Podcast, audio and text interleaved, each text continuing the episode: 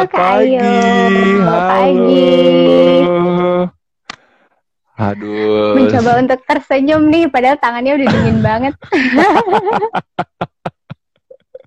Tuh udah disemangatin tuh. Semangat. Makasih Kalita.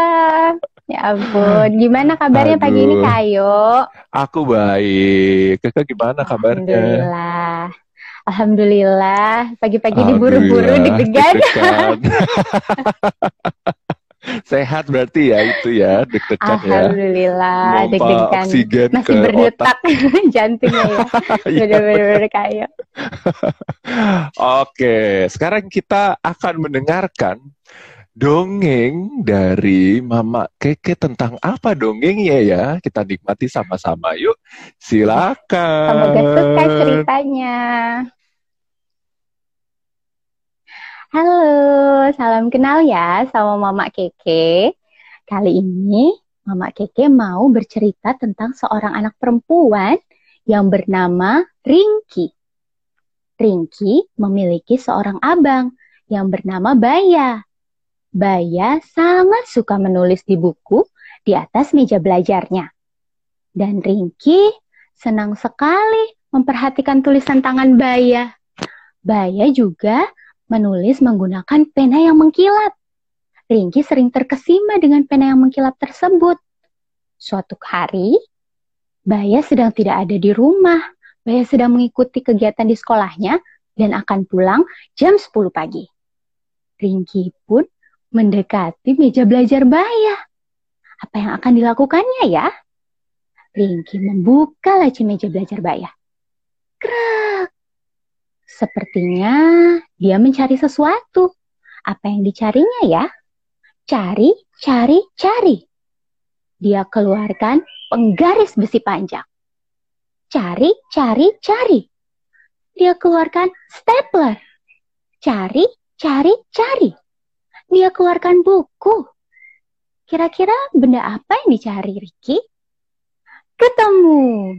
Ternyata Ringki mencari pena mengkilap Baya.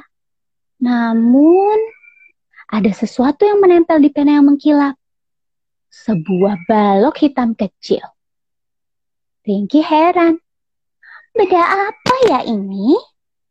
Dia pun mencoba mengambil pena yang mengkilap yang menempel dengan balok hitam. Dia coba untuk melepaskannya. Klak. Tiba-tiba ada yang melompat. Kling, klik.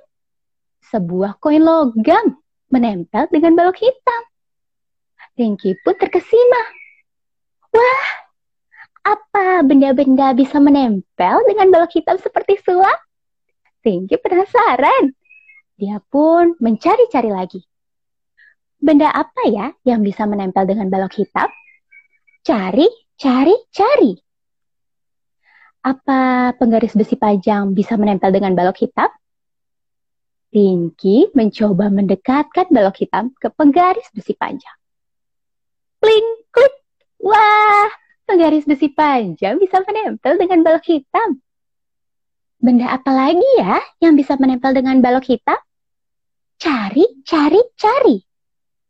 Apa stapler bisa menempel dengan balok hitam?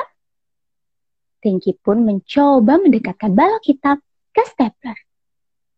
Kling, klik. Wah, stapler bisa menempel dengan balok hitam. Benda apa lagi ya yang bisa menempel dengan balok hitam? Cari, cari, cari. Apa buku bisa menempel dengan balok hitam? Ringki pun mencoba mendekatkan balok hitam ke buku. Yah, buku tidak bisa menempel dengan balok hitam. Benda apa lagi ya yang bisa menempel dengan balok hitam? Cari, cari, cari. Ada kemoceng. Apa kemoceng bisa menempel dengan balok hitam? Ringki pun mencoba mendekatkan balok hitam ke kemoceng. Yah, balok hitam tidak bisa menempel dengan kemoceng. Dekat-dekat kemoceng membuat hidung Ringki terasa gatal. Hacim! Ringki bersin dengan keras, sehingga menjatuhkan sesuatu benda. Apa itu ya? cari, cari, cari. Rupanya pena mengkilap Baya terjatuh ke kolong kasur. Aduh, sebentar lagi jam 10 pagi. Baya akan segera pulang. Bagaimana caranya Ringki untuk mengambil pena yang mengkilap yang terjatuh di kolong kasur? Ringki mencoba meraih dengan tangannya. Dia ulurkan tangannya ke kolong kasur. Ulur, ulur, ulur. Ya, tangan Ringki terlalu kecil untuk menjangkau pena yang mengkilap. Benda apa lagi ya yang bisa digunakan untuk menjangkau pena yang mengkilap? Cari, cari, cari. Hmm, Ringki menggunakan penggaris besi panjang. Apa penggaris besi panjang bisa menjangkau pena yang mengkilap? Tangan Ringki dan juga penggaris besi panjang diulurkan ke kolong kasur. Ulur, ulur, ulur. Pena yang mengkilap justru malah semakin jauh. Benda apa lagi ya yang bisa menjangkau pena yang mengkilap? Andai saja ada sebuah benda yang bisa menarik pena yang mengkilap mendekati Ringki.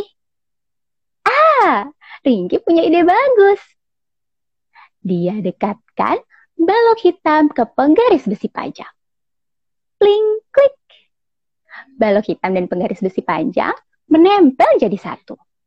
Dia pun mengulurkan tangannya dan penggaris besi panjang dan balok hitam ke kolong kasur. Apakah Berhasil? Ulur, ulur, ulur. Pling, klik. Yeay, berhasil. Pena yang mengkilap berhasil menempel ke balok hitam. Dan Ricky berhasil mendapatkan kembali pena yang mengkilap.